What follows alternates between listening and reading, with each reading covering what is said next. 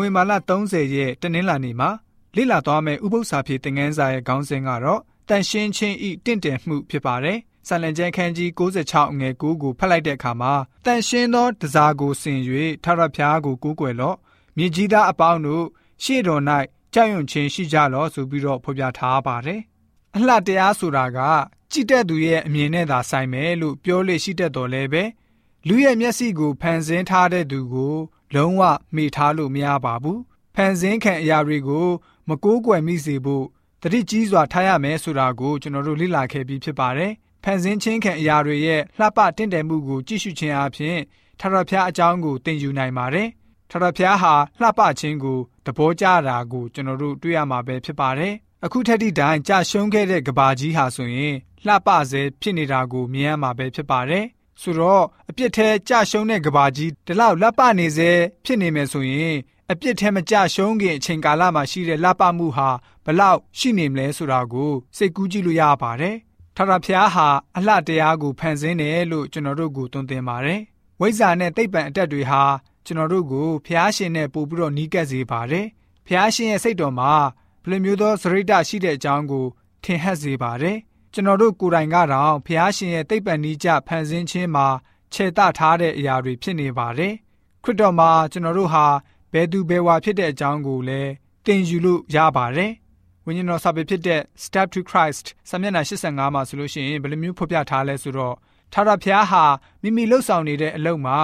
သားသမီးတွေစိတ်ပါဝင်စားကျင့်နေစေဖို့နဲ့လောကကြီးကိုဘလောက်လှပတင့်တယ်အောင်ခြေသထားတဲ့အကြောင်းကိုဖော်ပြထားပါတယ်။ ဖျားရှင်ဟာတင့်တယ်လှပခြင်းကိုနှစ်သက်တဲ့ဖျားပြီးတော့အရာအလုံးရဲ့ပြင်ပသဏ္ဍာန်ကိုဆွဲဆောင်မှုရှိစေပြီးတော့တင့်တယ်လှပခြင်းကိုနှစ်သက်မြတ်နိုးတဲ့ဇရိတရှိတော်မူပါတယ်။ယူသားဖြတ်မှတ်ခြင်းကိုလည်းပဲဖျားရှင်ဟာတွတ်သွင်းပေးတော်မူပါတယ်။ပန်းပွင့်ကလေးတွေမှာကရုဏာတော်ရဲ့ညီတက်မှုကိုဖော်ပြပေးထားပါတယ်ဆိုပြီးတော့ဝိညာဉ်တော်စာပေကဖော်ပြလိုထားပါတယ်။ကပောက်ကျန်ခန်းကြီး3အငယ်6 တုတ်တန်ကျန်ခန်းကြီး6ငွေ25ပြီးတော့တုတ်တန်ကျန်ခန်းကြီး31ငွေ30ကိုဖတ်ပါမယ်။တင့်တယ်လှပခြင်းမှာတန်ရှင်းခြင်းနဲ့ကောင်းမြတ်ခြင်းသဘောလဲလိုအပ်နေတဲ့အကြောင်းကိုဘယ်လိုမျိုးတွင်တင်ထားလဲဆိုတာကိုကြည့်ကြပါစို့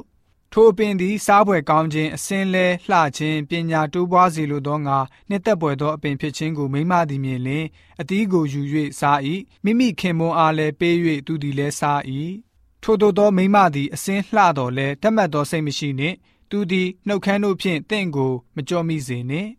ယင်ကျေးသောအရာသည်လှည့်စားခြင်းနှင့်ရှင်တတ်၏လှသောအစင်းသည်လည်းအချင်းနှီးဖြစ်၏ထာဝရဘုရားကိုကြောက်ရွံ့သောမိမမူကားချီးမွမ်းခြင်းကိုခံရလိမ့်မည်ဆိုပြီးတော့ဖော်ပြထားတာတွေ့ရပါတယ်ထာဝရဘုရားရှင်ပြုလုပ်ပြီးခဲ့သမျှအမှုအရာအလုံးစုံကိုဖျက်လို့ဖျက်ဆီးနှောက်ယှက်လိုတဲ့ရန်သူရှိနေပါတယ် အံ့ဩစရာတော့မရှိပါဘူးတင့်တယ်ခြင်းနဲ့လပခြင်းကိုနှစ်သက်လက်ခံတဲ့အခါမှာအဲ့ဒီလပတင့်တယ်ခြင်းဟာကျွန်တော်တို့ကိုစန့်ကျင်မဲ့အရာတွေအဖြစ်အသုံးပြုလာနိုင်ပါတယ်အထူးသဖြင့်လက်မှုပညာခရိယံပညာရေးတန်ရှင်းတဲ့နှုတ်ကပတ်တော်နဲ့လမ်းပြခြင်းခံရတော်လဲပဲ